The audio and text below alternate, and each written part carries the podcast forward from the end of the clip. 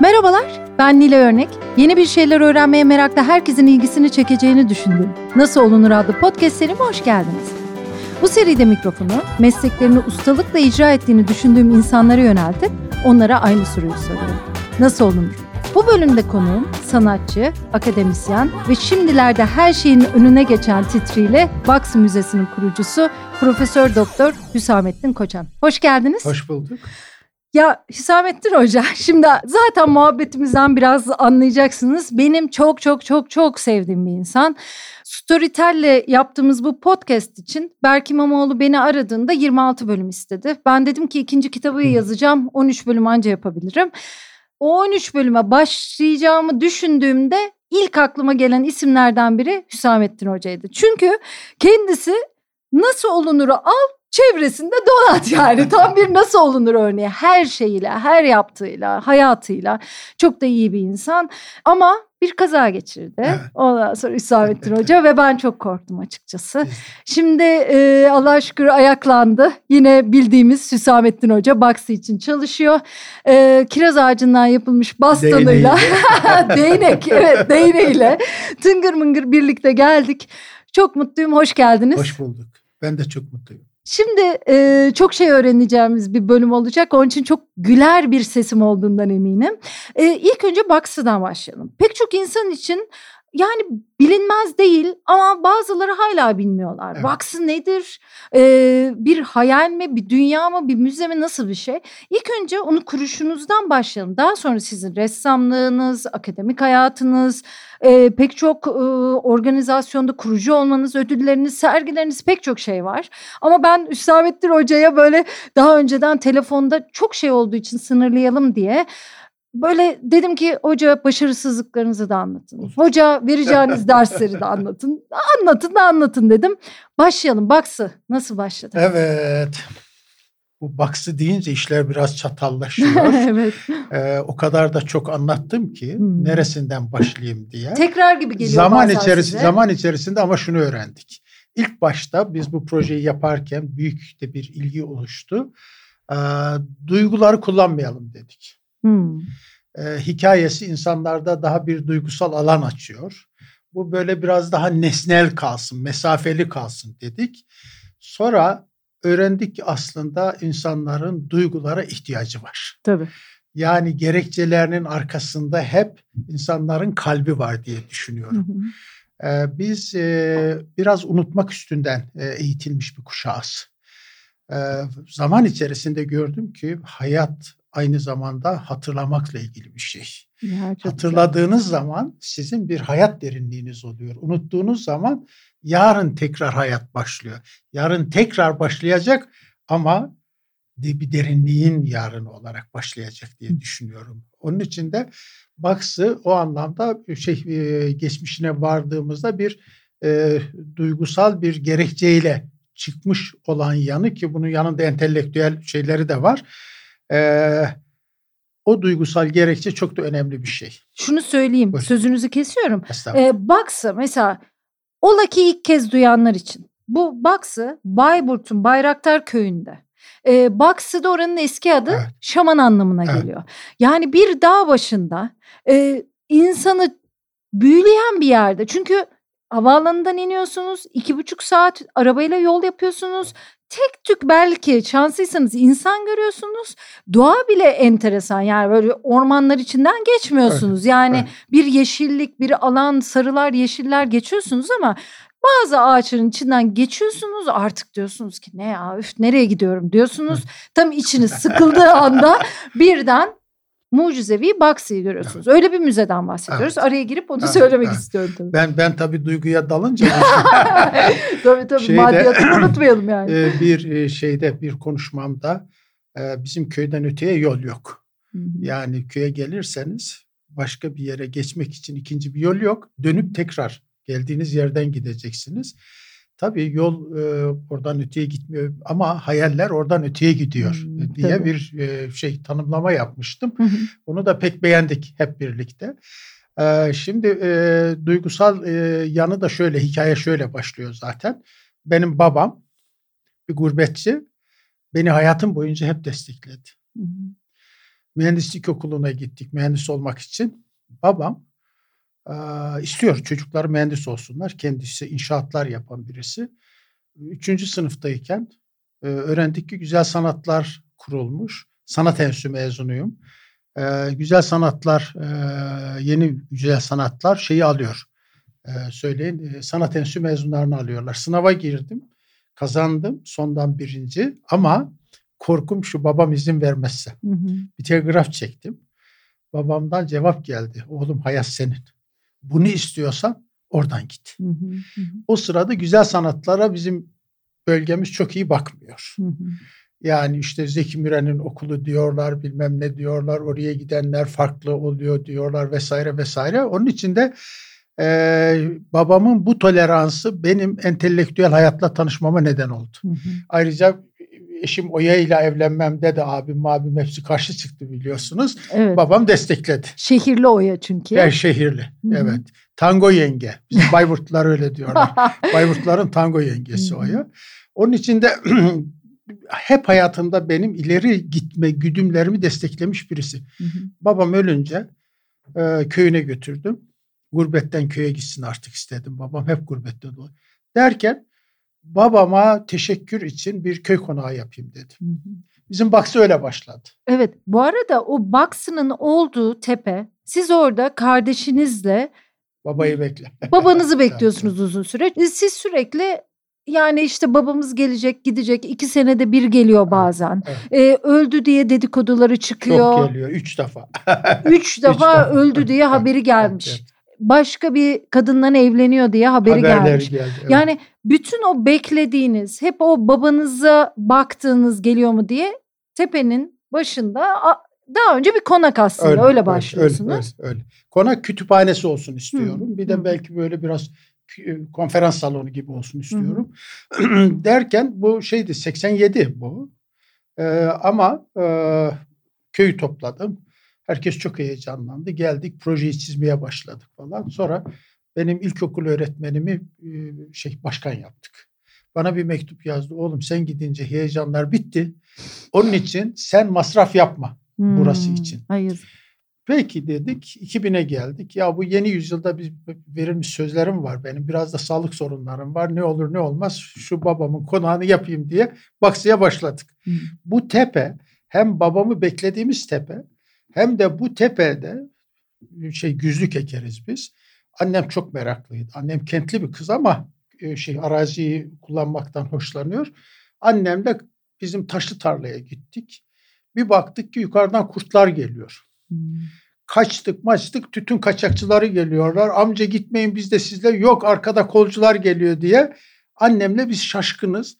Ee, bunlar geçip derenin ötesinde gelmeyin derede de kurtlar var. Biz ortada kaldık. Annemle biz nereye sığındık biliyor musunuz? Bu tepeye sığındık. Ya. Evet. Ha, ben bunu bilmiyordum. Evet. Evet. Hmm. Ve biraz sonra tabii köylü döküldü. Hmm. İşte şey silahlar atıldı bilmem ne oldu. Geldi bizi aldılar. Onun için tepe hem bizim beklediğimiz tepe hem de nedense orada kendimizi annemle güvende hissettiğimiz bir tepe. Hmm. Geçenlerde kardeşimin vefatında gittiğimde o şeyden içeri girince içimde bir sıcaklık hissettim. Hmm. Acaba dedim bu annemle geldiğimizde hissettiğimiz güven duygusu mudur? Yoksa bu kadar eskinin üst üste koyup yeni bir hikaye üretmenin verdiği bir e, şey midir, huzur mudur bu? Hmm. Bir etkilenme midir bu diye doğrusunu isterseniz hep öyle bir şeyimiz var, yanımız var ve çok özlüyorum orayı. Hmm. Bizim çocukluğumuz tabii köyde geçti. Benim büyük şansım odur.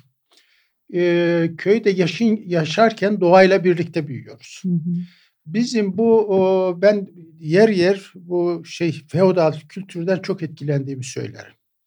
Çünkü onların kodları vardır. Hı. Bazı şeyleri size yakıştırırlar, bazılarını yakıştırmazlar. Şimdi günümüzde biraz parçalandık biz. O unutma şeysiyle, ideolojisiyle. E, bu geçmişten kopmanın getirdiği şey. O geleneksel kültür kodlar ortadan kalkınca yeni kod üretemedik biz. Hı hı. Onun için de bana sorarsanız bugün Türkiye'nin içinde yaşadığı o sorunlar, çıkmazlar bu kodların çağdaş yorumunu üretememeden kaynaklanan bir durumdur diye düşünüyorum. Evet. Bunu çok da önemsiyorum. Evet zaten sizin hep eserlerinizde o var. Gelenek var. Söyleminizde evet. var, hayatınızda Öyle. var. Gelenekle evet. bugünü birleştirmek, zamanı anlamak ama mutlaka o gelenek geçmiş hisler, duygular, e, desenler bazen öyle, değil mi? Öyle. Ben şeye hep inandım. Özgünlük, özgün özgün değer üretmek zorunda insanlar. Evet. Kimlik artık o. Hmm. Anlatabildim mi? Yani şey değil. Böyle şuralıyım yetmez, buralıyım yetmez, şu hmm. okuldan yetmez. Kendinin her bana sorarsanız bizim köylüler gurbete gidiyorlar ya. Hmm. Onlar Kaf Dağı'na giden kahramanlar gibidir. Hmm. Giderler, orada müthiş mücadeleler verirler ve geri dönerler. Buradaki insanların beklediği ilacı getirecekler diye, oradaki maddi imkanı getirecekler, yeniliği getirecekler diye giderler ve çok da çile çekerler orada.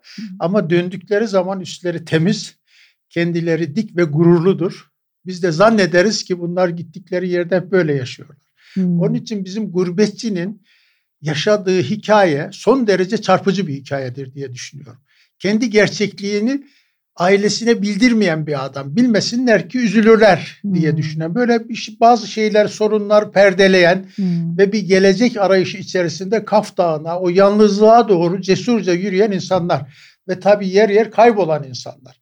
Onun için de e, o gurbetçi çocukları köyde kalıyorlar. Ben de onlardan bir tanesiyim.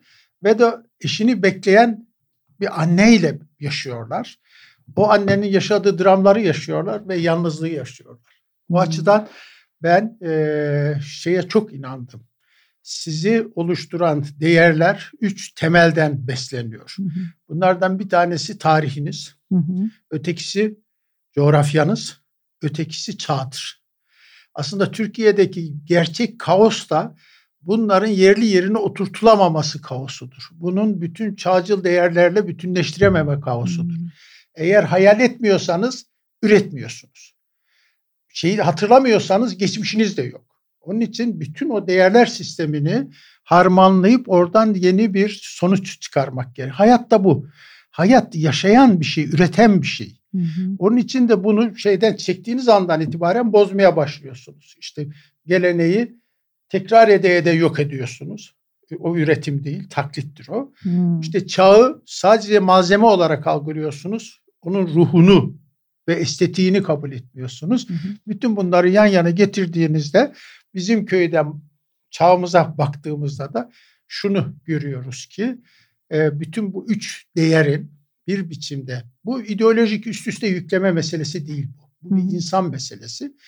İnsandan çok da şey bekleyen bir toplumuz biz. Hemen değiş istiyoruz insanlar. Evet. Hemen bana benze istiyoruz. Hı hı. Ve insan karşısında çok fazla çok fazla çıkarcı davranıyor. Ben sana bunu verdim, sen bana karşılığında ne verdin diyoruz. Hmm.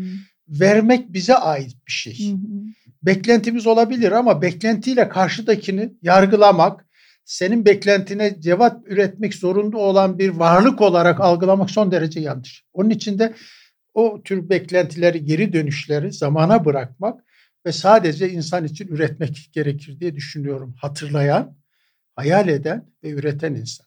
Bence bu köyden bugüne gelirken e, işte benim doğduğum kültür koşulları 300 yıl öncesine ait kodlar bunlar. Yani bir, bir toplantıda onu söyledim. Ben aslında 300 yaşında varım dedim.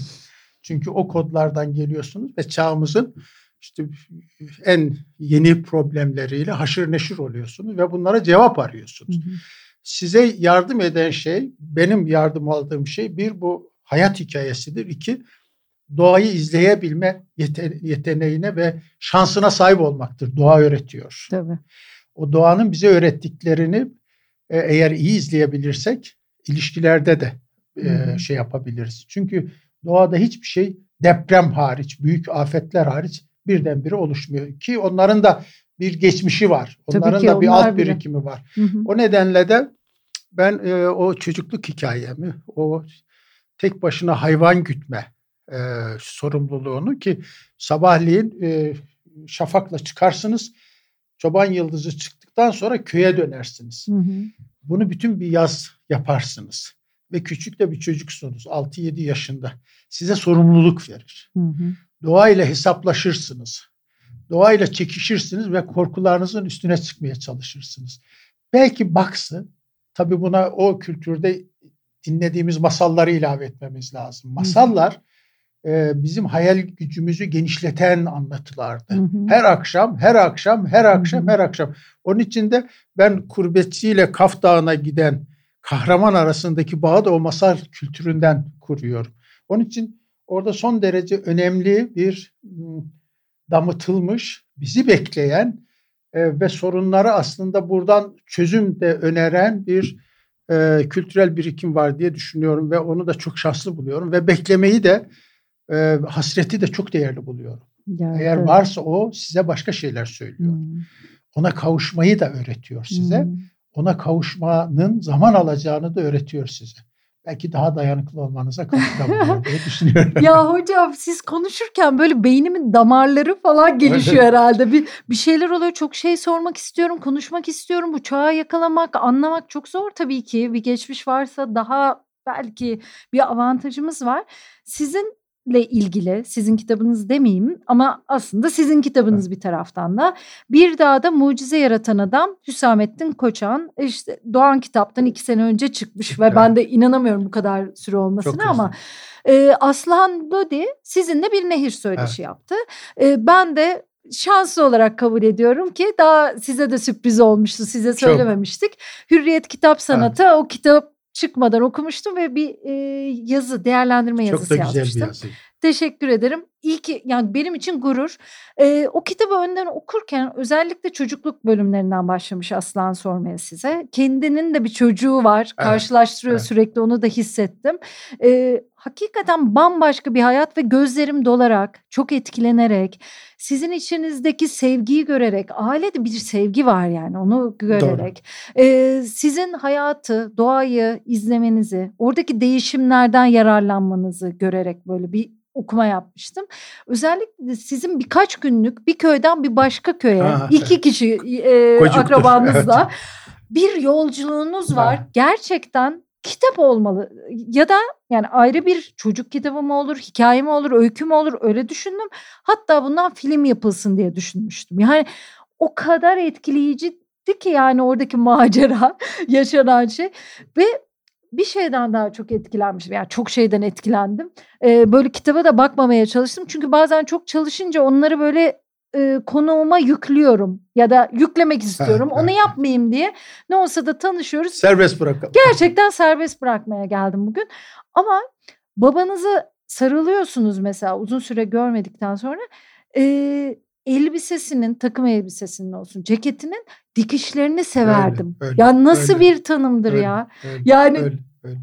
birini o kadar öyle, sevmek öyle, yani öyle. çok etkilenmiştim. Demek ki dedim ne kadar büyük bir sevgi var ve köyü anlıyorsunuz orada. Şimdi çıktığınız köy Bayburt zaten meşhurdur. Yani hani e, Cumhurbaşkanlığı Senfoni Orkestrası gidiyor da efsanevi bir cümle daha sonra cümle kalıbı haline geldi. Bayburt Bayburt olalı böyle zulüm görmedi diye. En muhafazakar şehirlerimizden biri. En çok göç veren şehirlerden biri. En az insanın yaşadığı bölgelerden biri değil mi? Orada bu göç kurmak. veren bir bölge. Evet, evet. Evet. Sizin bir de e, Baksi'ye orada yapışınızda bir de göç mevzu Göçü var. engelleme meselesi Hı. var. Tabii bu bizim Bayburt için anlatılan biraz iftira gibi geliyor bana. Tabii şey demiş.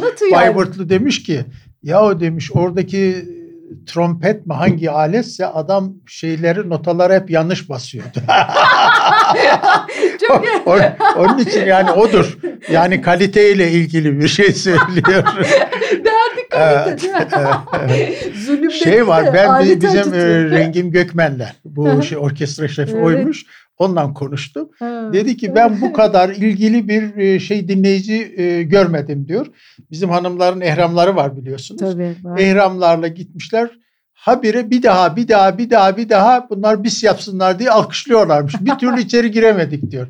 Şey e, insanlar çok açık aslında. Hmm. İnsanların şeysi yok. Siyaset girdiği zaman hmm. siyaset oradaki bütün şeyi e, düzeni, düsturu e, başka türlü. Her yerdeki. Evet öyle maalesef öyle bir süreçten geçiyor. Dünya öyle bir süreçten geçiyor. Bu sadece bize ait bir şey değil. Onun için de e, bizim e, bizim e, Bayburt e, şeye e, e, gurbetçileri eğer geri çağırabilirse e, ve e, beyin göçünü durdurabilirse çok büyük şansı var. Çünkü çok fazla doğası bozulmamış. Hmm. Birikimleri var, kültürel hafızası var. Bütün hmm. onlar yeniden ele alınabilirse büyük bir şansı olacak. Tabii şeye gelince o dağlara gelince o dağlar bir müthiş. Hatta bu şey Gocuktura halama yolculuğumuz bizim iki gün sürmüş yolculuk. Onun bir film olması gerektiğini hep inandım biliyor musunuz? Öyle mi? Müthiş hmm. olabilir. Evet. Ben, Ve, ben de öyle bir yetenek olsa ben hemen o işe girişirim. Ben e, bir cesaret etsem yapacağım o işi diye düşünüyorum. Çünkü bu sene o yoldan gideyim dedim. Fakat bizim patikalar gitmiş. Araba hmm. yolu yapmışlar. Ee, işte bir şey e, o yolculuk yaptığım amcamın oğlu da vefat etti. Yani bir eskilerden o patikaları bilen birisini alıp yürümek istiyorum. Hmm. Çok güzel bir zamandı ve orada şeydi o bir öğretiydi de. Tabii. Bize diyorlar ki giderken gidin ama tehlikeler var. Sis basar kaybol. Kaç yaşındasınız? Şimdi? Ben 6 ya da 7. Tamam. Orada. Kuzeniniz kaç yaşında? O benden bir yaş büyük. Hı Ondan sonra işte tarif ediyorlar. Ta şuradan gidin. O Kaç gitti. kilometredir arası? Şimdi iki dinleyenler. Gün, iki gün yürüme gün yol. yürüme yolu Dağlardan yani. gidiyorsunuz. Tabii yani iki çocuğu dağlar. bırakıyorlar tabii, halanıza tabii, tabii. gidin diye. Ya şey diyor yani e, yaban gelirse işte kaçmayın, şey yapmayın, sabit durun ve büyük gözükün diyorlar. Sis basarsa kemerinizin bir ucundan biriniz tutun, bir ucundan biriniz tutun. Birbirinizden kopmayın diyorlar. Yani her iki durumda da birbirinizle dayanışma içinde olun diyorlar. Demiyorlar ki evladım gitmeyin. Burada tehlikeler var. Bunlar var. Tedbiri de bu. İstiyorsanız gidin. O işte sizin doğayla bir özgür çekişme ilişkisi yaşamanızı sağlıyor. O sizin kolaycılığınıza bir son vermenizi de sağlıyor. Ben onu çok değerli buluyorum doğrusunu isterseniz. Ve de e, yani onu insan yaşamalıdır diye düşünüyorum. O açıdan ben eğitimimin çok büyük bir kısmında çocukluğumun bu geleneksel kodları olan ve de insana temelinde güven duyan ama bu erkek çocuk için geçerli bir şeydir. Kızlar için değil. Ya orada o, o şey çok e, onun için bizim Baksa'da şimdi yönetimde kadınlar var. Vakfın her tarafında hı. kadınlar var. Kadın istihdam merkezi açıyoruz. Hı hı. Onu gerçek anlamda üretime katmak istiyoruz. Hı hı o eski geleneksel kalıbından çıkarmak istiyoruz. Evet. Son derece önemlidir diye evet, düşünüyorum. Evet. Ve kadın son derece yaratıcı ve son derece yeniliğe de açık. Hı. Bunu ben bizatihi izlediğim bir ortamdan söz ediyorum. O nedenle e, o bir şanslı diye düşünüyorum. Yani benim çocukluğumdaki o masalları dinleme, o babayı bekleme, anneyle kurtlardan kaçma. Bir de rolümüz de şu annem ben önden gitsin istiyor ben annem önden gitsin istiyorum. Yani arkada kalan ötekini koruyacak. Ya, çok Anlatabildim Bu çok güzel duygular bunlar. Bunları yaşamak şans. Hı hı. Yani e, onun için de ben bütün o süreci çok değerli buluyorum. Yani benim eğitimimin en büyük kısmı odur. Derin düşündüğümde, yüzleştiğimde onu görüyorum. Üniversiteye geldiğimizde üniversite başka bir şey veriyor bize. Başka bir boyut veriyor. Orada işte toplumsal sorumluluklar daha ağır basmaya başlıyor. Toplumun değişmesine ilişkin projelerin bir parçası haline geliyorsunuz. Orada mücadeleler yapıyorsunuz. Geçen gün bizim okuduğumuz akaretlerdeki okulun yanından geçerken ya biz bu okulu kaç defa işgal etmiştik. Bütün o pencerelere tırmanıyoruz. Hmm. Anlatabildim mi? Çok güzel de bir heyecandı. Ben şimdi bizim çocuklarımızda işte şeyde e, yöneticilik yaptığım dönemde şey bulamadım hiçbir zaman. Biz sahiplenelim. Hmm. Yönetime katılalım. Hmm. Yönetim için önerilerimiz var diye bir şey yok. Hatta dekanlığımda öğrenci temsilcilerini topladım. Ne istiyorsunuz bizden dedim. İşte sorunlar şunlar şunlar dedim. Dedi ki bir çocuk peki hatta temizlik yapalım dedim. Haftanın belli bir günü fakülteyi temizleyelim. Bizim olsun bu fakülte sadece şey işçilere bırakmayalım bu fakülteyi. Birisi peki bundan bizim yararımız ne olacak hocam dedi. Başka birisi de bilgisayar e, şeysini, room'u öğrencilere devretmek istediğimde dedi ki e, hoca siz sorunlar hep öğrencilere devrediyorsunuz. Hmm, Sorunları sorumluluk. öğrencilere devrederek çözemezsiniz dedi. Aslında benim sorumluluk vermem o eğitimden gelen de bir parça. Bizde biraz böyle hafif sesiniz kartlaşınca aile yönetimini ve bütçesini size teslim eder. Hmm. Anlatabildim mi? Evet. Ve uygulamanın içerisinde sizi dener. Hı hı. Sizi uzaktan kontrol eder. Şeyde gördünüz siz bizim seramik e, köylülerin seramiklerini hı, Alev ve Müziğe sergisinde. Evet, evet, evet. Ya, Kızlar için şey yapmışlar, küçük hı. yayık yapmışlar. Anne yağ yaparken çocuk da orada yağ yapmayı öğrenecek. Tamamen uygulamanın içerisinde. Ne güzel. Bir şey de eşimi ilk götürdüğümde 70 küsurda e, bir e, harmandan e, muhtarın ailesi şey taşıyor. Saman. Hı hı. Muhtarın abisi büyük sepet var. Karısının daha küçük bir de küçük kırmızı yanaklı bir çocuk var. Onun da şu kadar sepeti var. Her sefer o da gidip geliyor. Demiyor ki aile evladım ayak altından çekil. Hmm. Hayır o çocuk üretime katılıyor. Hmm. O çocuk yaşadığı hayata hak ediyor. Onun için özgüvenli oluyor. Onun için de biz üretimin içerisine insanları katıp sorumluluk verip ve onlara güvenmeyi de öğreneceğiz diye düşünmüşümdür hep eğitim Tabii. hayatı boyunca. Bu arada sizin e, eğitmenlik hayatınızı konuşmak istiyorum. Bir de öğrencilik hayatınızı evet. konuşmak istiyorum. Ancak Baksı'dan yine döneriz Baksı'ya zaten. E, şu anlamda bahsetmek istiyorum.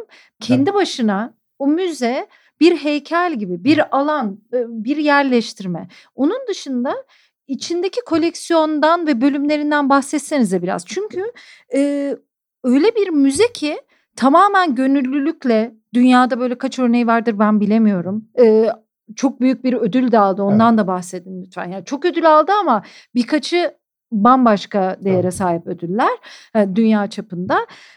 Bu kadar sanatçı eserlerine bilabedel verdi. Çok modern bir tarafı da var. Gelenek tarafı da var müzenin. Çok Biraz doğru. anlatsanıza görmeyenler için. Şimdi bizim tabii geçen gün bir konuşmamda onu söyledim. Bizim Baksı Müzesi aslında bir gönüllülük projesidir. Hı hı.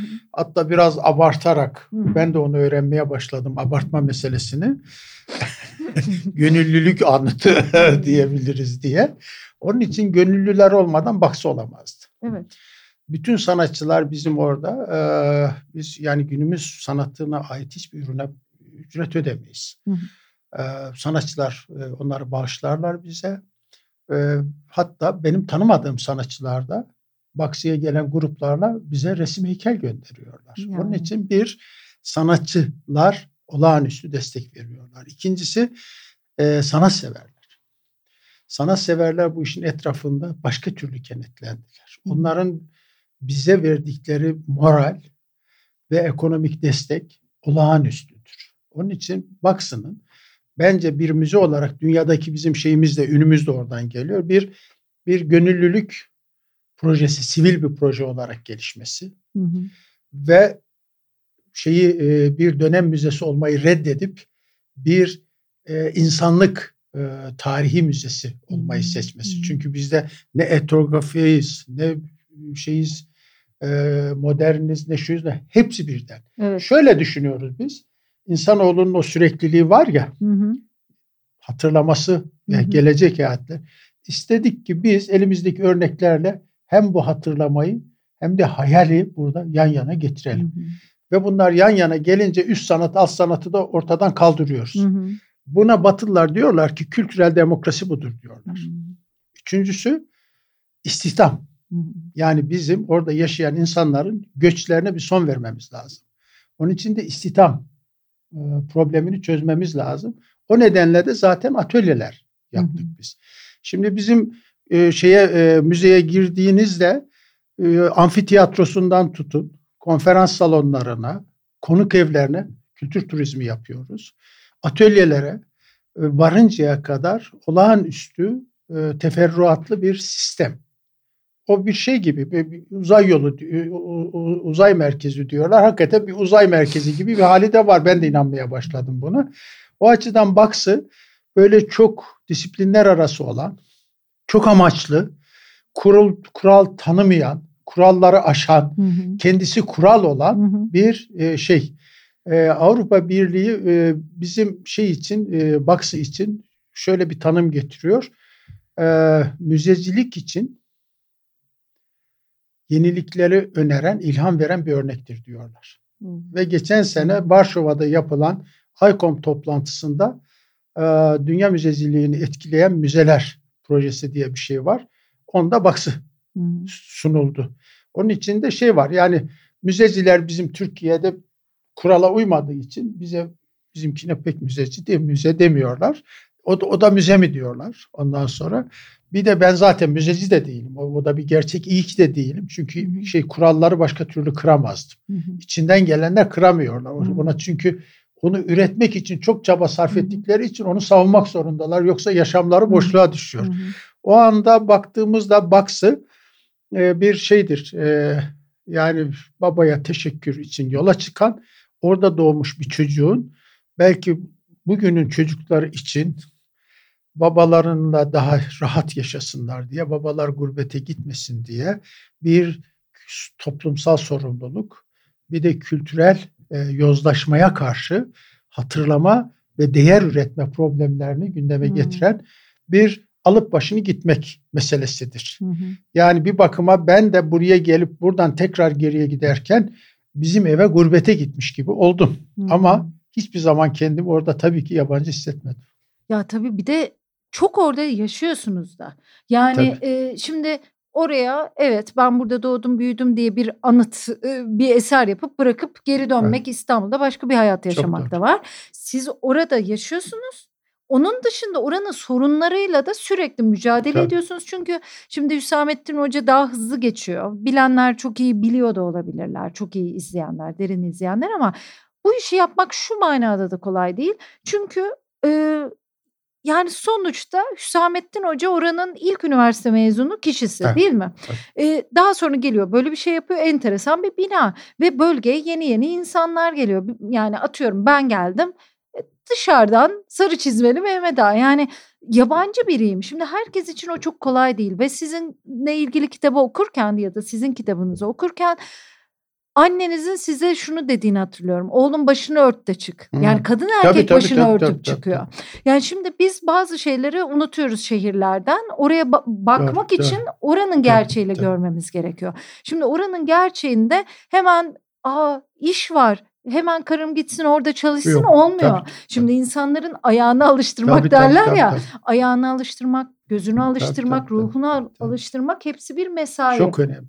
Bunlar için siz Yıllarca 18. yıl mı oluyor? Yanlış 20 20. 20. 20 yıl önce başladı. Ay 20 10. Size, yıla gelmiştim ne şimdi kadar bu çabuk sene, oldu. Bu sene tabii bu sene 10 artı 10 yapacağız. İnşaata başlayalı 20, 20 yıl hmm. e, müzeyi açalı 10 yıl oldu. Şimdi bu sene bizim 10 artı 10 e, kutlayacağız. Öyle hmm. bir şeyimiz var. Çok e, ilginç bir noktaya değindiniz. Biz ilk orada başladığımızda bizim gurbetçi köylüler bizim köyde gelip ücret karşılığı çalışmak istemediler. Hı hı. Çünkü kendi doğduğu toprakta böyle bir tasavvuru yok. Hı hı. Onu küçümsüyor. Evet. Irgat geliyorlar. Gel işte yemek çekiyorsunuz. Gel yardım et geliyorlar. Ama ücretle böyle mahcup mahcup geliyorlar. Sonra yavaş yavaş onlar öğrendiler o işi. Bu sefer kadınlarla ilgili başladık. Onlar da böyle acaba nasıl falan filan. Biz kadınlara şey verdik. Bankamatik kartı verdiğimiz zaman o kadar sevindim ki. Çünkü başka bir yere doğru gidiyoruz. Hı hı hı. Anlatabildim mi? Tabii. Ben şeyi e, ilk şeylerden bir tanesi bizim oradan hep akan Çoruh Nehri var. Hı hı. Çoruh'ta bizim götüreceğimiz yeniliği görsünler diye bir rafting botu aldım. Hı. Hoca çağırdık. Bizimkilere öğrettiler raftingi. Şunu istedim. Artık ilişkiler değişiyor. Hmm. Bu da çok masum bir öneri. Anlatabildim mi? Tabii bizim gençler şeyi beğenmediler. Yani kuralları beğenmediler. Kızlar mesela onu çok edindiler. Evet. Onun için de bu yenilik dediğimiz, değişme dediğimiz, yeni teknoloji dediğimiz şey hayata böyle kafasına vura vura değil, hmm. gayet masum bir biçimde sokmak lazım. Ben biliyor musun şeye çok inanırım. Masumiyeti. Hmm masumiyet olmadan düzgün bir şey yapamazsınız. Vicdanınız olmadan düzgün bir şey yapamazsınız. Araştırma merakınız olmadan anlamlı ve derin bir şey yapamazsınız. Bunların bir tanesi eksik olursa yolculukta bazı şeyleriniz eksik demektir. Onun için vicdan, masumiyet Şahane. ve evet bütün onlar. Bütün onlarla hareket etmek lazım. Hmm. Biz şey e, sert ilişkiler yaşadık, yaşıyoruz da. Onun için bunları yumuşatıp daha insana yönelik, insan çeşitliliğine yönelik bir takım adımlar atmamız gerekir. Ve onları anlayarak yani e, Hüsamettin Hoca'dan benim çok öğrendiğim bir şey vardır. Onun için de sık vakit geçirmek isterim kendisiyle ama çok mümkün olmaz. Çünkü deli gibi çalışır, sağlık sorununu umursamaz çalışır. Ya kendi hayatını umursamaz çalışır. E, ama e, ilk kitabımda da yazmıştım. İkinci kitapta yine varsınız bir şekilde. Gördüm, yani okudum. Uğur gibisiniz benim için ama şöyle de bir şey var. Benim için bazen bir cümleniz o kadar zihin açıcı oluyor ki ben o cümle üzerinden gidiyorum pek çok problemi çözüyorum. Hani bazen bir, bir, bir cümle pek çok şeyi yakar. Bu programı dinleyen pek çok insanda da olsun inşallah. Biz dediniz bana, biz e, ilk Baksı'da bir araya geldiğimizde e, gençken düşünüyorduk ki e, devrim bir günde yapılır. Devrim hemen evet. şimdi diye bir sloganımız Öyle, vardı. Evet. Oysa ki insan ruhu çok nazik bir şey. Evet. Hemen bir günde insanın ruhuna girip de bir günde devrim yaratamazsın. Olamaz. Yavaş yavaş anlatmak gerekir. Ya bunu düşün, düşün, düşün. Ben siz bunu tabii daha şairane biçimde tamam. ifade ettiniz ama ya ben o kadar etkilenmiştim ki sonradan her şeye öyle bakmaya başladım. Yani bazen bizler öyle yapıyoruz. Yani bir bilim yani bilimsel bir gerçeği var bir işin diyoruz. Bu insan nasıl anlamaz bunu? Yani iki kere iki Öyle. dörttür. Niye adam beş diyor diyoruz. Tabii. Oysa ki adam iki kere iki beşle büyümüş. Beşle hareket etmiş. Beşle iş yapmış getirmiş. Sen ona tutturuyorsun Tabii. bilimseli Tabii. böyledir diye. Bunu yaşayarak anlatmak, görerek anlatmak, zaman geçirmek lazım. Siz Baks'ı da onu yaptığınız için çok etkileniyorum. Onun dışında her şey bir yana bu hikayesini, duygusunu bırakalım. Müze olarak çok etkileyici. Yani hani bazı şeyleri hikaye yazarlar ve olmayan bir evet, şeyi daha olmaz. yüksek gösterirler evet. ama orada devasa bir kütüphane var. Çok Öyle. güzel. Sergi geziyorum geziyorum her gezişinde ayrı zevk alırım ben. Çok güzel ve müze mağazası. Yani İstanbul'daki pek çok müze o müze mağazası işini yapamıyor. Anadolu Medeniyetleri Müzesi Ankara en sevdiğim evet, Türkiye'de müzelerden biri. Çok Ama güzel. hediyelik eşya kısmına gidin. Hüsamettin hocam kendimi kesiyorum ya. Gene nazar boncuğu bereket heykeli ya. Öyle. Yani hep onlar, hep onlar, hep onlar. Çin malı ürünler onlar, falan. Öyle. Mesela Hüsamettin hocanın yani e, hediyelik eşya bölümü de gidin. Onlar da tasarımcılar tarafından yapılmıştır Yapılıyor, çoğu. Tabii. İşte tişörtünden parfümüne. Tabii, tabii bir de Şahmeran anlatın bize siz Öyle ya. Mi? Çünkü sizin kültürde de tabii, bölgede tabii, de çok tabii. var. Ben de çok tabii, tabii, severim tabii, kendisini tabii. de Şahmeran. Yani biriktirmeye çalışırım çok olmuyor çok, çok güzel güzeldir. iş. Çok güzeldir. Çok bence niye onun iyi bir filmi yapılmaz? Atıf abiyle Atıf Yılmaz'la biz yapacaktık o filmi. Evet, Sonra olmadı. Olmadı. olmadı. İşte Hı. biz hayhuy oraya gittik. Atıf abi de erken gitti. Onun için yapamadık Allah o işi. Şimdi Şahmaran e, olağanüstü katmanlı bir anlatıdır. Ee, ve de e, şeydir Anadolu'da daha çok Güneydoğu Anadolu'da bu Şahmaran e, e, şeyleri masalları anlatılır ve bölgesel ağızlarla birlikte anlatılır. Şahmaran yarısı kadın, yarısı e, yılan olan bir bir bir bir, bir varlık. Aslında onda ideal insan anlatılıyor. Ve e, işte bir e, dönemin sultanı hasta olunca e, kahin diyor ki sen öleceksin. Tek bir çare var. Şahmaranı bulup onun işte etinin suyunu içersen hmm. diriliyorsun. Herkes bunun peşinde ve Şahmaran doğadaki bütün varlıklar ona taşıdığı gizi anlatıyor. Bir ot var. Neye değerse altına çeviriyor. Bu zengin olmak isteyenler onun için Şahmaran'ın peşinde. İşte kimisi hastalığı şey yapacak diye onu. Bir de yedi kat yerin altında yedi kat gökyüzünde yaşıyor. Bence fantastik film için olağanüstü bir şey. Ya Bu yedi kat yerin altında yedi, yedi kat, kat gökyüzü. gökyüzünde. Yani çizim olarak da müthiş, çok güzel müthiş, çizgi müthiş. roman. Ve çok güzel Olma. ara hikayeler var. Hmm. Olağanüstüdür. Hmm. Ve şeyde otantik hikaye de elde bozulmamış. Derken e, Camsap diye bir çocuk tanışıyorlar Şahmaran'la ve de e, bir gün Camsap memleketini özlüyor geri dönmek istiyor. Şahmaran diyor ki yapma etme gitme bak senin yüzünden bana kötülük gelir. Dayanamıyor git ama beni gördüğünü anlatma.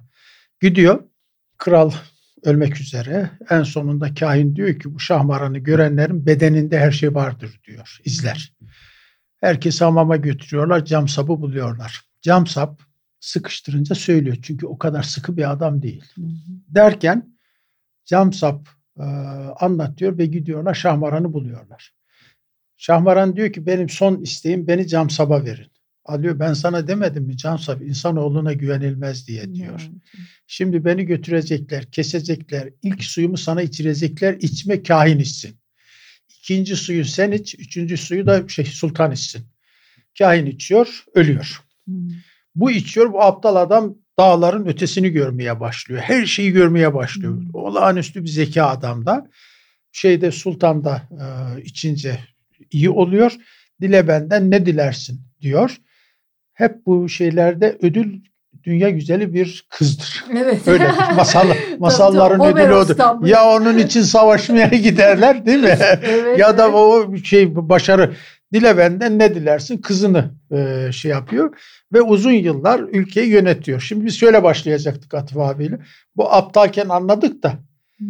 bu kadar akken kendi ihanetiyle nasıl yaşadı bu adam? Hmm. Oradan başlayıp Şahmaran öyküsü anlatacaktık. Olağanüstüdür. Ve de ilginçtir. Bende çok iyi bir koleksiyon var biliyorsunuz. Biliyorum. E, çok iyi. O resimlerin olduğu evde hiç kimse bu hikayeyi tam olarak bilmiyor. Sadece diyorlar ki bir kuyuda öldürülmüş. Hmm. Yılanlar bunu bilmiyorlarmış. Eğer bilselermiş işte insanları mahvederlermiş. Şey öykü o. tamam. Çok evet, enteresan. Müthiştir. Çok çok çok güzel ya. Evet. Siz de güzel anlatıyorsunuz. Keşke bir masal kitabı da yapsanız ya. Yaparız Duyduğunuz belki. Masallar... Ya evet. Ya. Ben bence olabilir. Evet. Bence ben olabilir. sizi ısrar edeyim. Ara bence ara olabilir. sizi böyle dürteyim. Çok ben bir oturup var. yazabilsem aslında bir senaryo yazmak istiyorum. Sonra ne kadar güzel olur. Evet. Şahane. Ama çok zaman lazım bize. Biraz bu müzenin ağırlığından yavaş yavaş profesyonelliğe geçip orada kurtarmak lazım. Evet, müzenin ağırlığı var. Hala sergiler açıyorsunuz tabii, ve üretmeye devam tabii, ediyorsunuz. Tabii, tabii. Yani tabii. bir taraftan olmadan olmaz zaten. Evet. Yani ben bir şimdi bizim Baksı'ya biz bir müze diyoruz. İşte Hı. şunları var bunlar. Aslında Baksı bir land art. Anlatabildim mi? Hı. Benim onun içinde en büyük yapıtım diyor. Hı. En uzun sürmüş yapıtım diyor. Hı.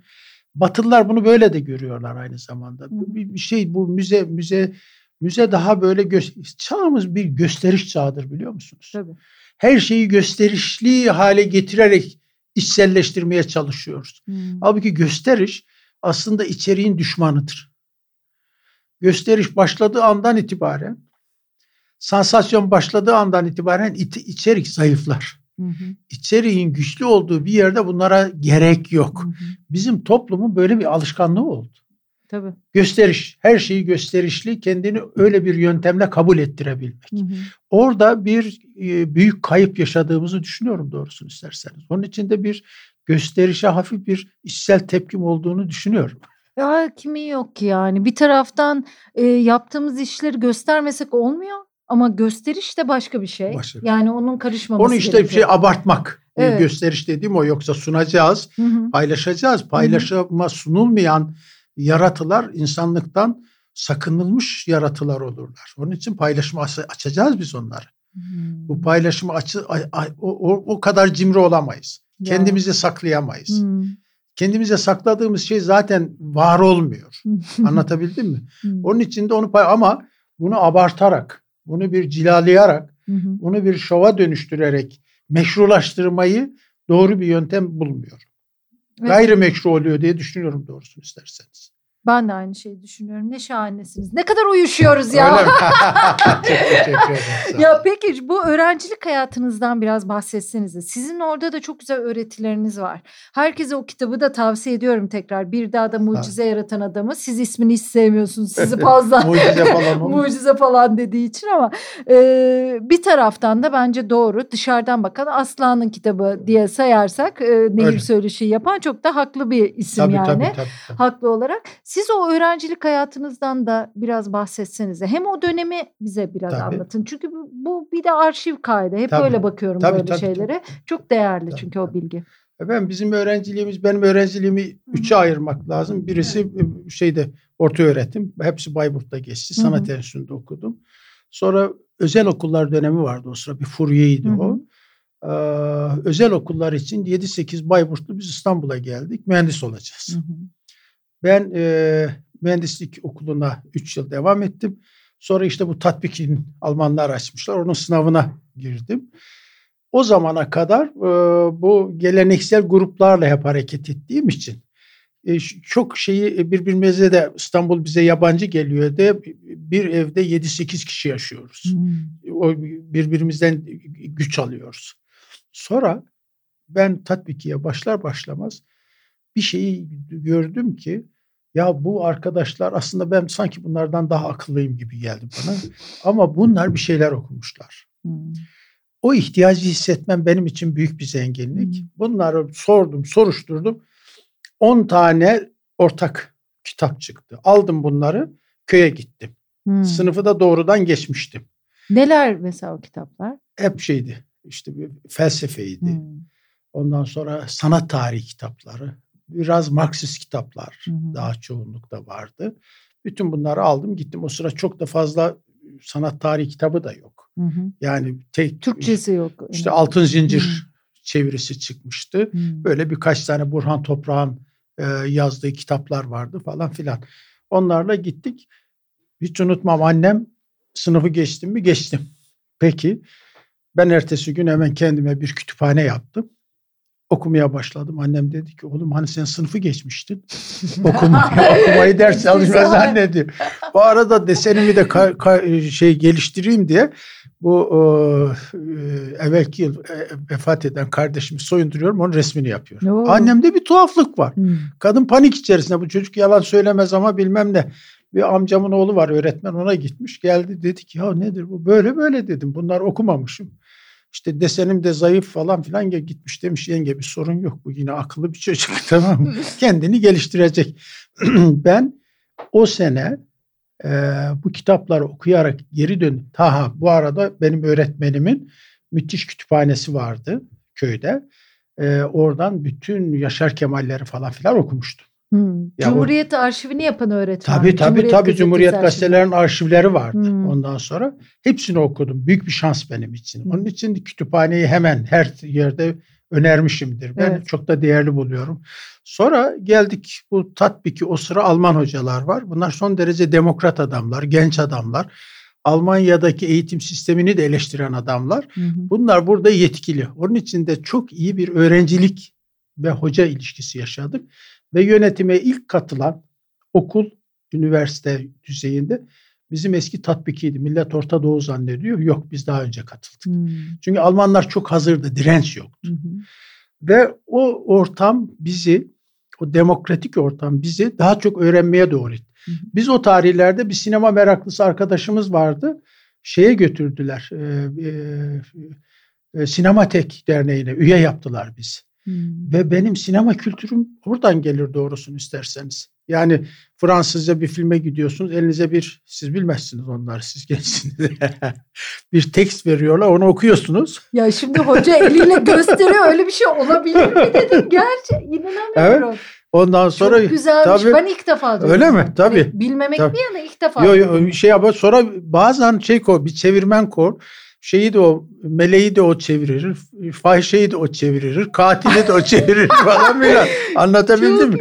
Ve böylece biz işte yani yurttaş keyinleri, işte bisiklet hırsızlarını, Röne toplu gösterilerini falan hep orada gördük biz. Hmm. Yani ortamı daha emmeye yönelik bir öğrenme hırsı var. Hmm. O dönem öğrencilerinde. Şimdi bizim öğrenciler sinemaya gidiyor mu merak ediyor. Hmm. Okuyorlar mı merak ediyorum. Ellerinde birer tane telefon var. Telefonda bir dünya kuruyorlar. Onun için o çok kıymetli bir dönemdi ve çok şey öğrendim ben öğrenciliğimde. Sonra biz işte sivil toplum örgütleri, dernekler vardı. Ben işte dediler sen akıllı bir çocuksun. E, okudukça da biraz öğrendim öğrendim.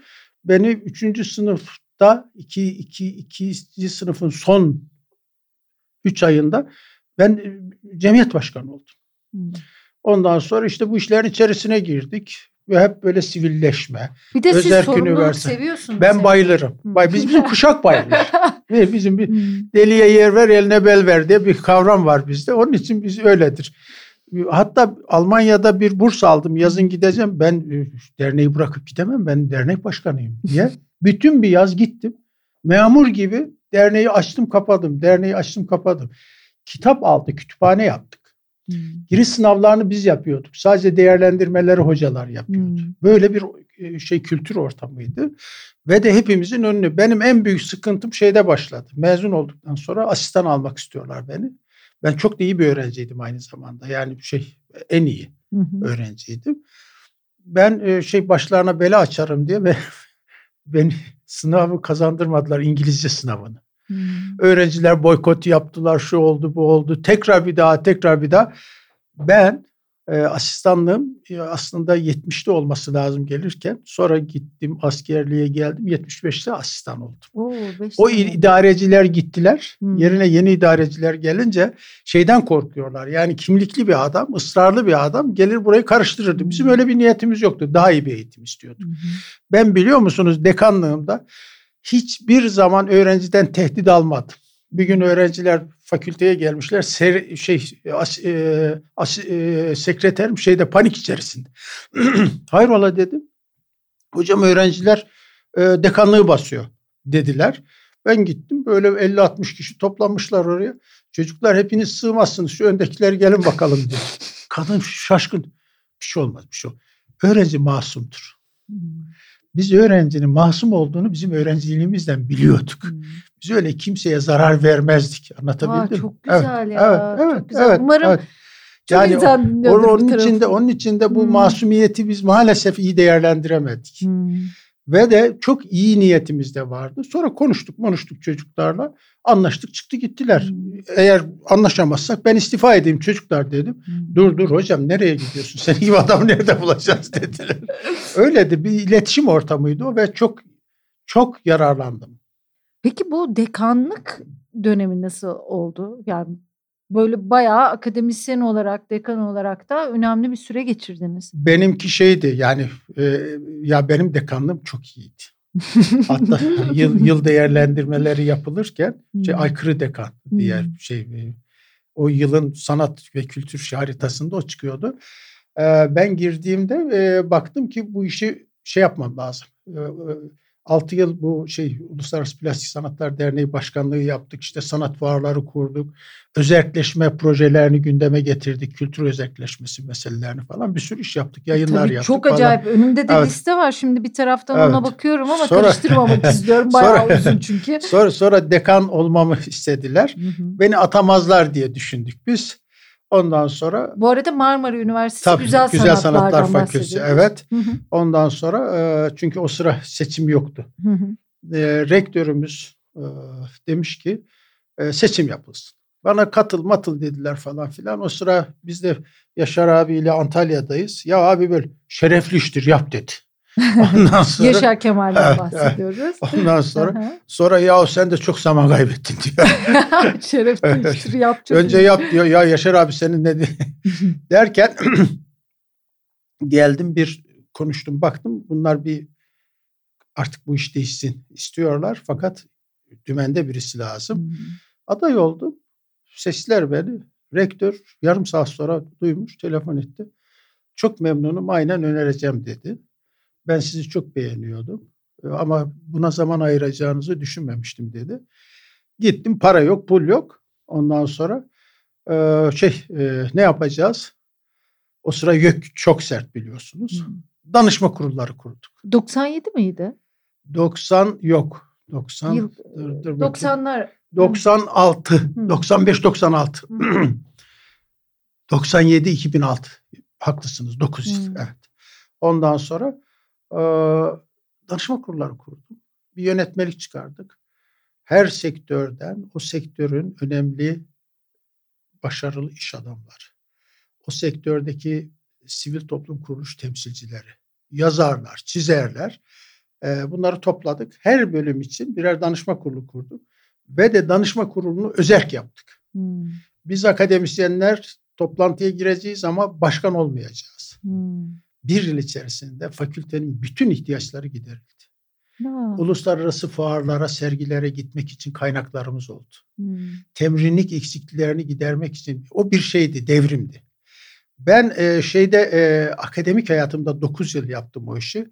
E, tek yapamadığım şey şuydu. E, doğrusunu isterseniz daha interdisipliner bir eğitim için ortak sınıflar oluşturmayı istedim. Hmm. Yani iki yıl ortak olacak. Herkes yaratıcı birisinin öğrenmesi lazım gelen şeyleri öğrenecekti. Ondan sonra uzmanlaşmaya doğru gidecekti. Hmm. Onu başarsaydım çok iyi olacaktı. Onu başaramadım. Sabancı Müzesi böyle bir sistem uyguluyor. Hmm. Onun için de orada ha bir de yabancı dil e, hazırlık sınıfı açtım. Çok da şey vaktimiz Sabancı nedir? Üniversitesi mi? Yapıyor tabii. Hı, müzesi dediniz. Ee, üniversite ha, affedersin. Tamam. Şey. Ee, şey müze, de, müze. Müze, müze, müze. Okul bitti yedi, şimdi müzeci Müzede okulun. Şeyde e, e, yabancı dil hazırlık sınıfı olsun. Hmm. Bu yetenekli çocuklar geliyorlar. Dil bilmiyorlar. Sonra bir felaket. Ben dil konusunda uğraş baba uğraş oldu benimki. E, dedik ki hazırlık sınıfı hmm. kurulsun. Hazırlık sınıfını kurduk. Kimse müracaat etmiyor. Bir yıl kaybedecekler diye mi Evet. Evet. Bir de ona inanmıyorlar. Yani bir sene kaybedecekler. Dilde ne olacak? Ya bizim zamanımızda böyle bir kaybetme diye bir lafı vardı. Evet, yani öyle. işte normal okula gidenler, özel evet, okula evet, gidenler, evet, Anadolu evet. liseleri. Nedense ben bir sene kaybettim diye konuşurduk. Geçen gün Harun geldi, Harun Tekin. Evet. Ondan konuşuyoruz. Dedim e, bir böyle yaşlarımız benzer işte üniversiteye girişimiz falan. Ha sen dedim iki sene kaybettin ya falan dedim. Öyle bir cümle ettim. Harun dedi ki Niye kayıp diye kullanılıyor ya kelime? ya o kadar tabii, e, tabii, dilime alışmış tabii, ki. E, o olması ilerleyemezdim tabii, ki dedi. Tabii, Ona kayıp tabii, diye bakmıyorum tabii, ama tabii, sen öyle diyorsun. Hakikaten sonra düşündüm ne öyle, enteresan bir şey. Hala öyle kullanıyorum. Bu kaybetme zaten bizi şey yapıyor. Ben size söyleyeyim. Hmm. Bizim bütün şeyimizi bizde müthiş bir otokontrol oluşturuyor ve kımıldayamıyoruz. Kalıba evet. kaybetmeden korkmadığınız andan itibaren bir şey yapıyorsunuz. Tabii. O korkuyla falan kımıldayamıyorsunuz. Bütün mesele odur diye düşünüyorum doğrusunu isterseniz. Onun için de bu kaybetmeyi bir kenara bırakmak lazım. Hı hı. Neyse sekreterlere dedim ki söyleyin anlatın falan. Baktım hiç kimse gitmiyor. İşte böyle kesiyorlar kağıtları mağıtları bir grup öğrenciler. Gittim dedim çocuklar ya masanız da çok kirli dedim. Ne itiraz etmiyorsun? Hakikaten kirli bir masa vermiş bizimkiler. Hiç kimse itiraz etmiyor. Böyle buradan birisi bakıyor falan filan. Sonra dedim burada hazırlık sınıfı var. Çocuklar yabancı dil çok önemlidir falan. Oradan birisi sana ne oluyor be herif dedi. Oh. Üstüme yürüdü. Hmm. Oradan müstahdemler koştu dediler ki ya ne yapıyorsun bu adam buranın dekanı deyince neyse adam beni dövmedi. Şimdi şey çok istedim. Yani böyle interdisipliner bir eğitim, insanın daha şeye e, teoriye açılan bir kapısının e, daha da genişletilmesi, bunların yabancı dil öğrenerek uluslararası ilişkileri daha da geliştirmek. Orada iki tane şeyde bir sürü şeyi yaptık ama iki tane şeyde çok başaramadık diye düşünüyorum. Hmm. Yani demek ki ona daha zaman var. Ne kadar çok kafa yormuşsunuz değil çok, mi? Bunlara, çok, bunlara. Çok, Peki Oya Hanım'la nerede tanıştınız? Hangi dönemde tanıştınız? Oya Ve biz bu kadar gene araya giriyorum ama şunu da söyleyeyim siz öyle devam tamam. edin diye araya girdim. Şimdi sizin gibi insanlara bakınca adam ya da kadın e, onların hep eşlerini merak ediyorum ya da işte birlikte yaşadıkları insanlara, evet, ailelerine. Evet. Çünkü e, bu bir fedakarlık evet. gerektiren bir yaşam tarzı. Evet. Yani sizin baştan beri hep öyle olmuş evet. zaten çok uzun yıllar. Tamam siz sorumluluk alıyorsunuz da sizin eşiniz o sorumluluğu almak istiyor mu? O evet. ekmeğe başkasının da ortak olmasına İster olur mi? veriyor evet. mu? Yani bunlar meseleler tabii, tabii, yani. Tabii, Oya Hanım'dan da bahsedelim mi? Biraz edelim, anlayalım. Edelim, edelim, edelim. Oya ile bizim tanışmamız şu. Giriş sınavlarını biz düzenliyoruz dedik. Ben o sıra işte cemiyet başkanıyım. Hı hı. Sınav yürütme kurulu bana bağlı. Ee, bana da diyorlar ki oğlum artık sen tohuma kaçtın bir arkadaşın olsun. Kaç yaşındasınız? İşte üniversite 3. sınıftayım. Hı hı. Yani Gene 20'ler 20'ler falan kaçtın. Evet, evet, evet. tamam. Yani bir bir kız arkadaşın olsun hı. diyorlar. Bizim şeyler var. Bizim Barbaros vardı arkadaşımız. Çok tatlı bir çocuktu. O da kayıtlarda. Şimdi tutuyor şey güzel kızlar ne hangi bölüme giriyor. Ondan sonra geliyor bana diyor ki şu atölyeyi hiç denetlemiyorsun. Gir bak ne biçim kardeşim işini yapmıyorsun. Sonradan öğrendik ki öyle öyle bir şey. En sonunda ben buna tepki gösterince dedi bu herifte iş yok dedi. Bunun kendi atölyesinde bir tane çok tatlı güzel bir kız var dedi. Çok da ciddi dedi. O yayım şu. Hmm. Biz öğrenci ya öğrenciye evet. öyle bakmıyoruz. Hmm. Tamam e, ve bunların şeysiyle etkisiyle ben Oya'yla e, şey e, daha ilgilenmeye başladım. Sonra o sene Oya sınavı kaybetti. Aa. Evet. Kaybedince de işte çaya davet falan filan bizde bir arkadaşlık başladı. ee, ikinci sene geldi girdi. Ee, seramik bölümüne girdi. Çok da iyi bir öğrenciydi. Akademisyen olsun istediler. Ben o ortama girsin istemedim. Yani hmm. çok yorucuydu seramik bölümü. Sonra işte biz uzun yıllar sonra evlendik Oya'yla. Benim ilk istediğim şey şudur. Bakın yine bu şeyle ilgili. Ee, eşim benim doğup büyüdüğüm topraklar görsün istedim. Hmm. Hemen onu köye götürdüm. Fotoğraflarımız var. Küçücük bir çocuk. Bana güvenmiş gelmiş. Hmm. Oraları görmeye ve benim sevdiğim insanları sevmeye çalışıyor. Ne güzel. Çok çok kıymetli bir şey. Hmm. Çok kıymetli bir şey. Hmm. Ve de o ya aslında e, yani benim hatırıma kendi hayatını değiştirdi. Onun için de Oya'nın o konuda hatırı çok büyüktür. Hmm. Ben e, çalışacağım dediğim zaman hiçbir zaman tutturmadı. Hmm. E, bana çok toleranslı davrandı. Hmm. Üretimime hep saygı gösterdi. Hmm. E, onun için de zaten biz 50 yıl oldu bizim beraberliğimiz o yayla. Evet. 50 yıldır çoluk çocuk olmadan böyle bir şey e, hayatımızı devam ettiriyoruz. Ee, Oya şikayetçi mi bilmiyorum ama. Öyle değil gibi. Oya, Oya şeyden ya. biraz şeydi. Ben köye yerleşirim diye bir korkusu var. Hmm. tamam mı? Ondan korkuyor. Onun dışında şey Oya toleranslıdır. Oya'dan ben kent yaşamını öğrendim. Oya olmasaydı benim kentlileşme e, bariyerlerini geçmem çok kolay olmayacaktı. Hmm. Onun Tam için, da kentli gibi kentli. Tabii, tabii. Yani Öyle. Hani biz de İstanbulluyuz ama Oya Hanım kadar kentli miyiz? Yok, Ondan canım, emin değilim. Yani değil. şahanedir o açıdan. İyidir Oya, iyidir, evet. iyidir. Siz de iyisiniz biliyorum. Onun için şeydir yani e, benim o şeyi feodaliteden ötek çünkü biz feodaliteden kent kültürüne geçerken çok fire veriyoruz. Hmm. Alkolik olmamız ondandır. Hmm. İçe dönmemiz ondandır. Giderek kuralları yok etmemiz de ondandır. Hmm, çok Uyumlu geçiş yapamıyoruz. Hmm. Altyapımız yok. Ben o desteği Oya'dan aldım. Onun için babama çok şey borçluyum. Hmm. Yani yoksa ben başka birisiyle evlenseydim benim işim çok zor.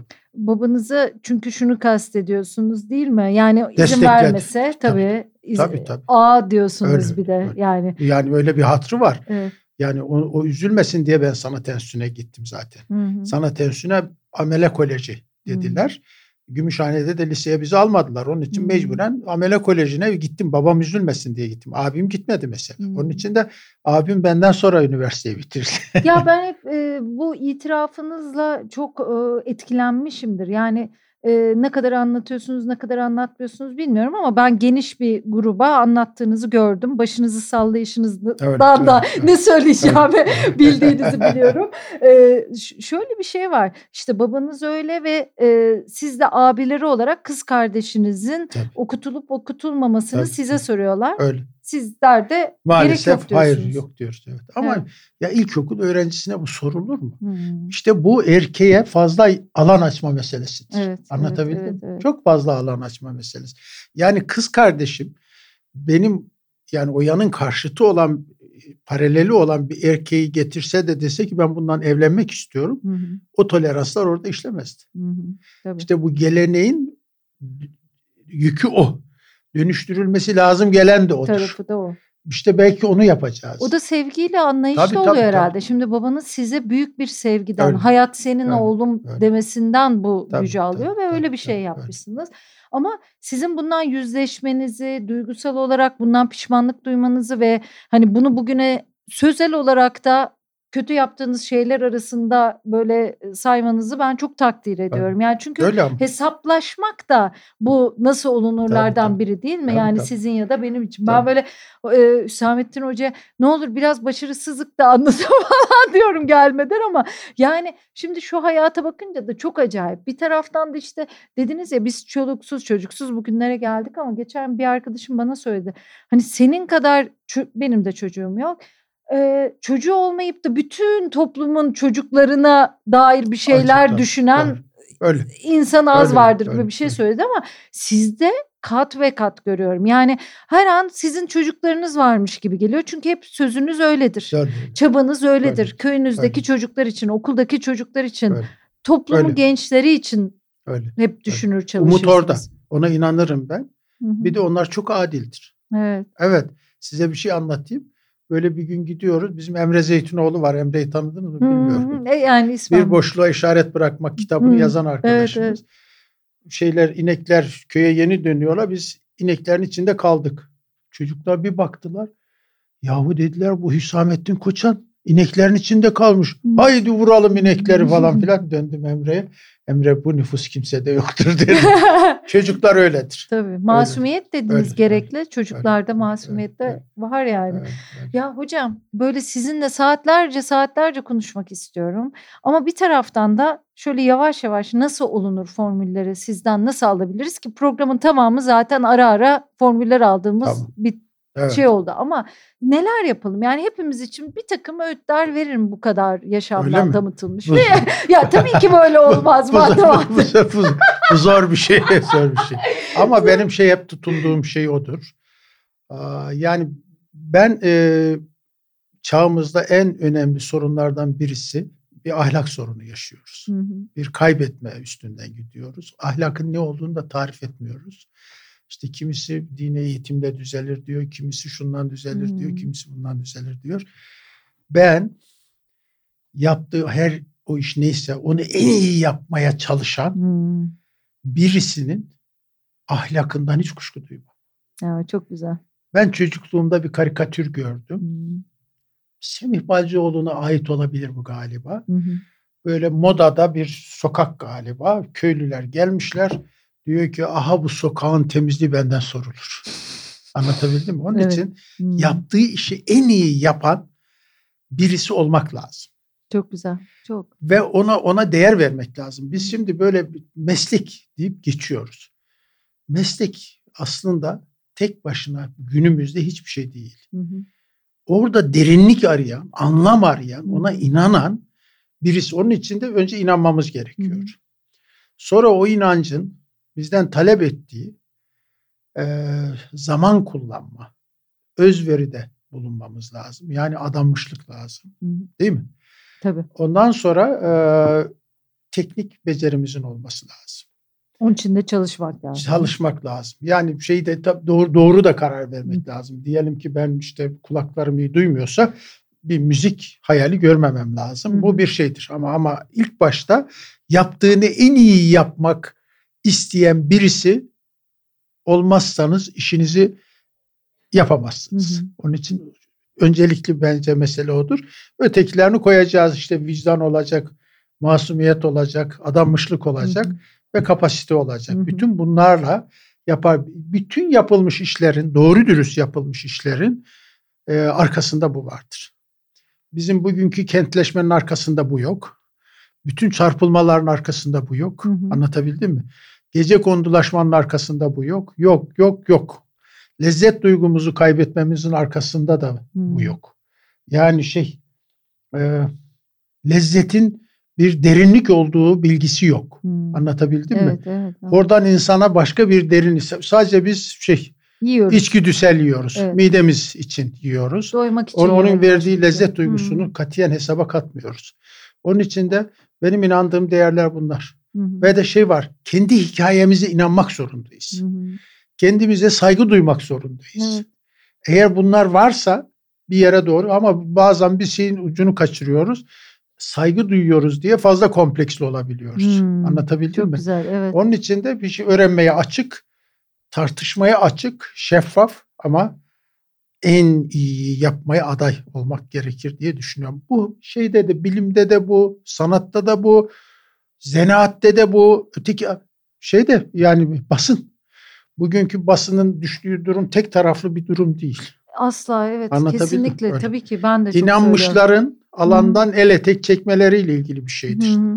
Bir başka bir yanıyla. odur. Çekmiyoruz hocam. Evet, podcastımız evet var. direnmek lazım. direnmek tabii lazım. Ki, tabii ki. Onun için de şeydir yani en iyi yapmaya Hı hı. kendimizi inandırmak zorundayız. Sonra arkasından gelecek diye düşünüyorum. Bunun içinde sizin gibi insanlar olacak tabii. Yani şöyle ki sonuna kadar iyi yapmak için uğraşan insan sayısı çoğaldıkça, hı hı. onlar fedakarlıklarını yaptıkça çünkü o fedakarlıkların bence karşılığı alınıyor. Evet. Öyle insanlar üretmekten mutlu oluyorlar. Evet. İşte geçen gün Hüsamettin Hoca ile buluştuk ilk o kazadan sonra. Bu arada yani kazada gerçekten ödüm koptu. Böyle ömrümden bir, bir şeyler gitti. Şimdi e, hoca dedi ki yine ayağa kalktık da uğraşacağız bakalım yani böyle çeşitli hastalıklarla. Dedim hocam yani siz ürete ürete bir daha 30 yıl 40 yıl daha gidersiniz. Böyle Kök örneği verdik konuştuk. Ee, Şimdi Hüsamettin Bey'e ben uzun süredir böyle çok hayranımdır. O Baksı ile ilgili çok yazı okumuştum. Zaten hani resme de meraklı bir insan olarak uzun süredir de takip ederdim. Bizim tanışmamızı anlatarak bitirmek istiyorum. Ee, çok değerli bir insan benim için. Ee, ben... Benim için de öyle. çok, size sayenizde o hikayeyi hatırlıyorum tamam. zaten. Ben akşam gazetesinde yayın yönetmeniyim hafta sonu eklerinin. Bir de küçük e, bir kahvaltı düzenlenmiş Hüsamettin Bey'in sergisi için. Böyle 6-7 köşe yazarı gazeteci bir araya gelmişiz ama ya Perşembe ya Cuma ki benim gazeteye erkenden dönmem lazım. Hafta sonu gazetesini yapacağız. Ama ben yani uzun süredir hayran olduğum biriyle aynı masadayım. Ee, ulaştırma deriz biz onu. Ulaştırmadan araç gelmiş gazeteden beni bekliyor. İkide biri arıyor. Ben dayanamıyorum. Dinlemek istiyorum. Bir mektup yazmışım hocaya. Ben uzun süredir evet. platoniyim ya aşk mektubu yazıp ben sizden arkadaş olmak, görüşmek, sizi daha çok dinlemek istiyorum diye bir mektup yazmışım, vermişim kendisine gitmişim gazeteye çalışmışım. Yıllar sonra yıllar geçti ben bunu unuttum tabii ama Baksı'ya hala hayranım. Ondan sonra e, Bozburun'dayız. Bülent Ortaçgil de bizi alsın. Bozburun'dayız yat kulübünde. E, tanemle eşi karşılıklı yemek yiyoruz. O zaman CNN'de Tanemsi var televizyon programı çekiyor. Ya dedi Nilay kimi çağırsam acaba sende fikir var falan. Dedim ki ya da nereye gitsem dedi. Baksı Müzesi'ne git ya falan. Ben anlatıyorum size anlattım şey anlattım falan. Ertesi gün telefonum çalsın. Tanımadığım bir numara açayım. Merhabalar ben Hüsamettin Koçan. ben benimle ya dalga geçiyorlar zannediyorum. Gece bir saat konuşmuşuz üstünüze. Senelerdir sizi evet. görmemişim. Sonra e, dalga geçtiniz işte. Nilay Hanım çok geziyorsunuz unuttunuz beni ama 10. yılımıza bekleriz diye. Şimdi ben e, müzenin 10. yıl konserine gitmiştim. Unutulmaz bir çok geceydi. Güzeldi. Bülent Ortaçgil, Erkan Oğul. Evet, İsmail Hakkı Demircioğlu. Şahane Müthişti. bir konserdi. Yani e, oraya gelenleri gördüm ben insanları. Şimdi köyden gelenler oradaki sergiler modern sanat eserleri bazısı çok ya, enteresan aynen, onlar aynen. için. Onların yorumlarını dinlemek, Tabii. onların eğlencelerini görmek. Tabii. Ya Hacca bak bu senin patiklerden ne yapmış adam diyor. Şakir Gökçeban muhteşem evet, evet, yerleştirmesi evet. var. Onların konseri dinleyişi. Sonra gece yani orada Çoruh Nehri akar. Yıldızlar size yakındır. Öyledir. Yani Şahmeran'ın evine de e, benziyor. Benzer benziyor, yani. Benziyor, benziyor. Çünkü hiç ışık yok. Öyle e, gökyüzü yıldızlar aşağı iner sanki. O gün de bir şey vardı değil mi? Meteor yağmuru evet, evet, ve öyle bir geceye denk evet, gelmişiz. Evet, Meteor evet, yağmuru evet. var. Bir tarafımda Bülent Ortaçgil, evet. bir tarafımda Hüsamettin Koçan var. Erkan Oğur var. Yani Yaşar Kemal'den bahsediyoruz. Edebiyattan, müzikten nasıl bir gece armağan güzel, ettiniz bize? Güzel, Yalnız bu bana özel bir şey değildir. Şimdi gidersiniz oraya. Konuk evleri de var. Ben herkese Baksı'ya gitmelerini öneriyorum. Öyle bir şey dünya gözüyle görsünler. Ee, orada kalırsınız bir yalnızlığınızla kendinizle yüzleşirsiniz. Dostunuzla daha yakın Tabii, dost olursunuz. Doğru. Bir şeyin Türkiye'nin değerini görürsünüz, anlarsınız. Sanata doyarsınız. Hüsamettin Hoca oradaysa sizinle her türlü ilgilenir, konuşur. Gezdiririm gezdirir. de dağlara götürür. dağlara götürür. Ee, uzun anlattım ama çok değerli çok birisiniz. Nasıl olunurun başlı başına örneğisiniz. Ne olur hocanın e, burada yetinmeyin. Zaten eminim böyle bir şeyler yapacaksınız. YouTube'da mesela küçük haber kırıntıları var. Yazıları var. Onun hakkında yazılmış şeyler var. İşte bahsettik bir dağda mucize yaratan adamdan kitabı var. Lütfen alın okuyun. Gerçek bir Türkiye değerini göreceksiniz. Bir köyden çıkıp e, nasıl Türkiye'de fark yaratan bir insan olunur. Dünyada fark yaratan insan olunur. Çok önemli bir sanatçı ve iyi bir insan ben olunur. Ben terliyorum görüyorsunuz. çok uzun konuştum ama çok büyük hayranım. Çok güzel sağ olun. Yani nasıl olunura gerçekten o kadar mutluyum ki geldiğiniz Çok için. Herkese böyle ya burada çağırdığım insanlar hep böyle bir saygım, sevgim Tabii ki, ayrı. Tabii. Ama gelemeyeceksiniz diye korktum Aman ya efendim. hocam. Ben onun için değnekle geldim buraya. Hmm, çok sağ olun. Ben İyi çok teşekkür ederim.